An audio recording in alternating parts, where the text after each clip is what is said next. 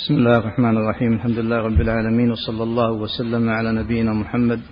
قال المصنف رحمه الله تعالى وأن أفضل أمته أبو بكر الصديق. نعم.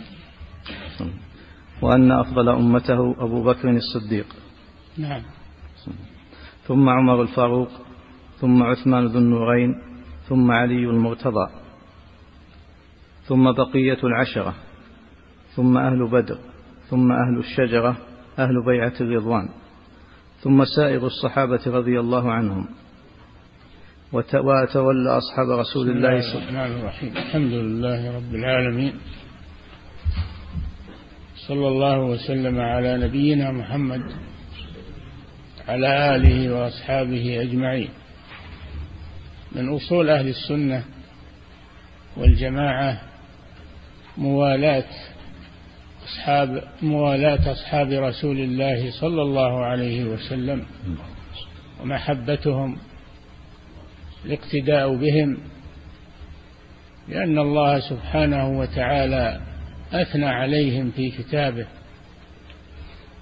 قال سبحانه للفقراء المهاجرين الذين أخرجوا من ديارهم وأموالهم يبتغون فضلا من الله ورضوانا وينصرون الله ورسوله. أولئك هم الصادقون. ثم قال في الأنصار والذين تبوأوا الدار والإيمان من قبلهم يحبون من هاجر إليهم ولا يجدون في صدورهم حاجة مما أوتوا ويؤثرون على أنفسهم ولو كان بهم خصاصة.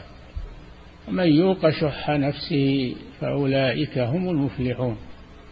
ثم قال في الذين جاءوا من بعدهم إلى أن تقوم الساعة والذين جاءوا من بعدهم يقولون ربنا اغفر لنا ولإخواننا يعني الصحابة ولإخواننا الذين سبقونا بالإيمان ولا تجعل في قلوبنا غلا للذين آمنوا. ربنا إنك رؤوف رحيم. فهذه عقيدة أهل السنة والجماعة في صحابة رسول الله. صلى الله عليه وسلم عموما. فهم أفضل قرون هذه الأمة وأكرمها عند الله سبحانه وتعالى. والصحابة يتفاضلون يتفاضلون فيما بينهم. أفضلهم الخلفاء الأربعة أبو بكر الصديق وعمر الفاروق وعثمان ذو النورين علي بن أبي طالب هؤلاء هم الخلفاء الراشدون الذين قال النبي صلى الله عليه وسلم فيهم عليكم بسنتي وسنة الخلفاء الراشدين المهديين من بعدي. ثم بعد الخلفاء الراشدين أهل بدر الذين أثنى الله عليهم الذين حضروا أول غزوة في الإسلام غزوة الفرقان. فهم لهم مزية على غيرهم. الحديث ما يدريك لعل الله اطلع على أهل بدر؟ فقال اعملوا ما شئتم فقد غفرت لكم. هؤلاء أهل بدر رضي الله عنهم وكانوا ثلاثمائة وبضعة عشر. ثم من بعدهم أهل بيعة الرضوان الذين بايعوا تحت الشجرة. لقد رضي الله عن المؤمنين إذ يبايعونك تحت الشجرة. فعلم ما في قلوبهم. وذلك في الحديبية. لما أرسل النبي صلى الله عليه لما منع المشركون المسلمين من من العمرة عمرة الحديبية أرسل النبي صلى الله عليه وسلم إليهم عثمان بن عفان رضي الله عنه يتفاوض معهم. ثم بلغ الرسول وأصحابه أن عثمان قد قتل. عند ذلك عزموا على قتال الكفار. عزموا على قتال الكفار وبايعوا رسول الله صلى الله عليه وسلم على الموت تحت الشجرة. الله أنزل فيهم قرآنا. أنزل فيهم قرآنا. لقد رضي الله عن المؤمنين إذ يبايعونك تحت الشجرة. فعلم ما في قلوبهم وأنزل السكينة عليهم. وأثابهم فتحا قريبا. هؤلاء هم أصحاب الشجرة الذين بايعوا رسول الله صلى الله عليه وسلم على القتال وعلى الموت. قبلهم العشرة المشهود لهم بالجنة. قبل أهل الشجرة العشرة المشهود لهم بالجنة. وهم الخلفاء الراشدون الأربعة وطلحة والزبير وسعد بن أبي وقاص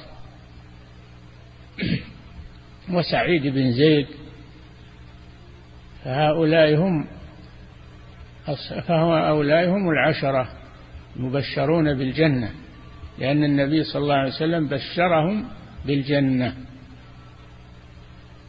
فالصحابة يتفاوتون في الفضل ولكن يشملهم فضيلة واحدة وهي صحبتهم لرسول الله صلى الله عليه وسلم.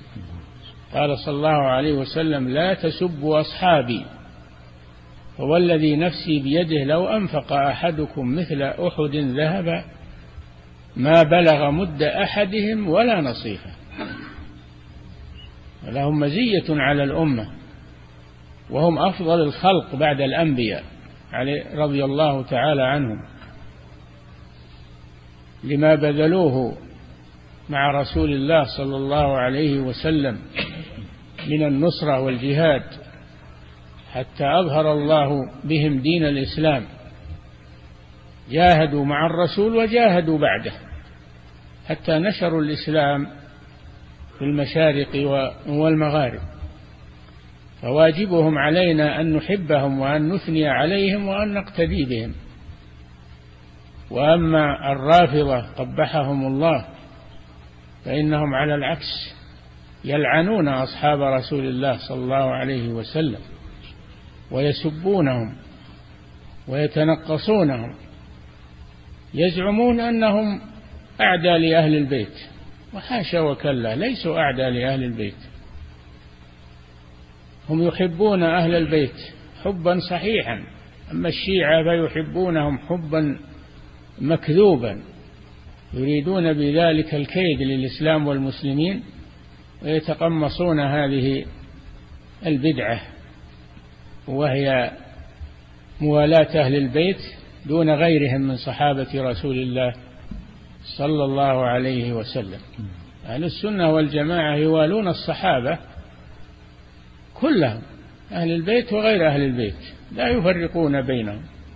أما الشيعة لعنهم الله فإنهم يفرقون بين الصحابة فيوالون أهل البيت بزعمهم ويعادون بقية الصحابة. وهذا لا شك أنه كيد ومكر. هم لا يحبون الإسلام ولا يحبون الرسول ولكنهم تقمصوا هذه البدعة ليروجوا على الناس حب أهل البيت وأهل البيت بريئون منهم. تمام البراءة. فهم يسبون أصحاب رسول الله صلى الله عليه وسلم يتكلمون فيهم ويطعنون فيهم ويكفرون ويلعنون أبا بكر وعمر ويسمونهم يسمونهم صنمي قريش قبحهم الله. فينبغي أن يعرف هذا. المسلم يكون على بصيرة من أمره من يوالي ومن يعادي ويعرف دجل الكذابين. يعرف دجل الكذابين فلا يغتر بهم أو تروج عليه شبهاتهم. نعم. وأن أفضل أمته أبو بكر الصديق ثم عمر الفاروق ثم عثمان ذو النورين ثم علي المرتضى ثم بقية الخلفاء الخلفاء الراشدون يتفاضلون. أفضلهم أبو بكر الصديق بل هو أفضل الأمة على الإطلاق. ثم من بعده عمر الفاروق. سمي الفاروق لأن الله فرق به بين الحق والباطل.